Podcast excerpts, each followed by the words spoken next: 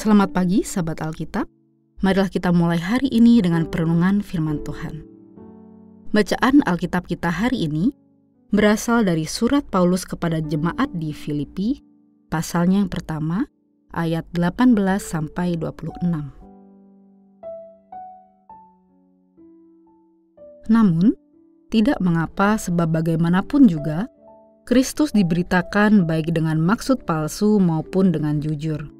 Dalam hal itu aku bersuka cita Aku akan tetap bersuka cita karena aku tahu bahwa kesudahan semuanya ini ialah keselamatanku oleh doamu dan pertolongan roh Yesus Kristus.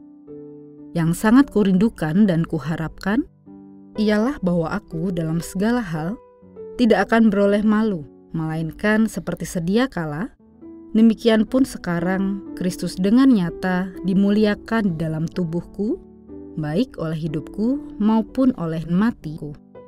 Sesungguhnya, bagiku hidup adalah Kristus dan mati adalah keuntungan.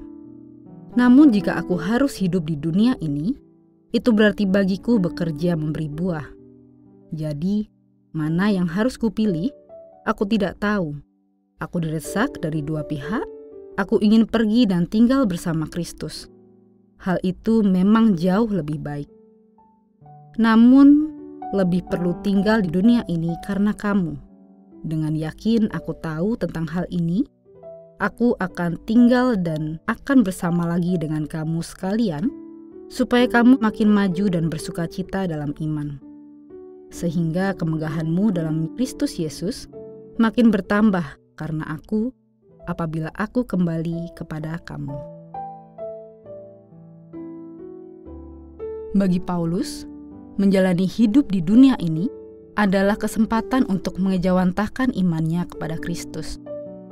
Meski ada banyak hal yang tidak menyenangkan harus ia alami demi memenuhi panggilan imannya sebagai pemberita Injil, namun Paulus tetap setia untuk menjalaninya. Itulah mengapa Paulus mengeluarkan sebuah pernyataan iman yang begitu totalitas, yakni, "Sesungguhnya bagiku hidup adalah Kristus dan mati adalah keuntungan. Paulus telah membagikan sebuah prinsip hidup sebagai pekerja Injil Kristus yang secara sungguh-sungguh mengabdikan pikiran dan hatinya hanya kepada Kristus.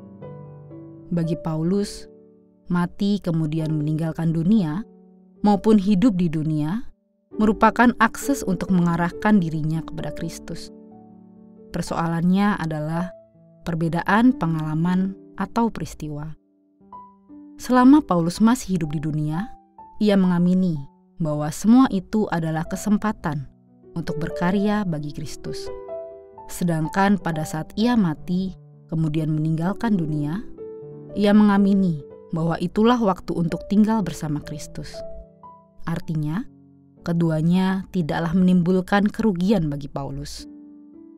Sikap iman Paulus terkait hidup dan mati merupakan contoh totalitas iman seorang pengikut Kristus yang tidak bersungut-sungut dalam menjalani hidup.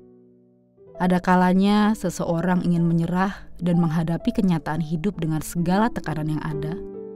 Namun, permenungan firman Tuhan pada hari ini telah mengajak kita untuk kembali memaknai bahwa setiap waktu yang kita miliki untuk hidup di dunia ini merupakan kesempatan untuk mewujudkan iman dalam berbagai ruang kehidupan yang kita miliki.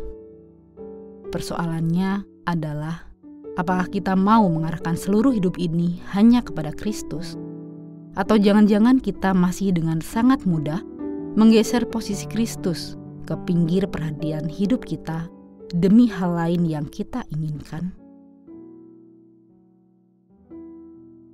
Mari kita bersatu di dalam doa. Ya Tuhan kami, kami ucap syukur karena Engkau kembali mengingatkan kami akan kesaksian Rasul Paulus pada hari ini Tuhan. Tuhan, tolonglah kami supaya kami dapat senantiasa memiliki sebuah prioritas hidup, yaitu mewujudkan iman. Oleh karena itu Tuhan, dalam setiap kehidupan kami sehari-hari, Tuhan mampukan kami agar kami dapat senantiasa mengingat bahwa kehidupan ini adalah kesempatan yang Engkau berikan, baik dalam kondisi yang baik maupun dalam kondisi terpuruk sekalipun Tuhan.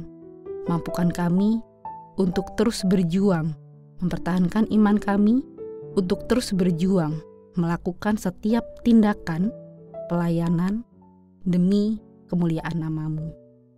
Inilah doa kami Tuhan yang senantiasa mohon penyertaan-Mu. Dalam Tuhan Yesus Kristus kami berdoa. Amin.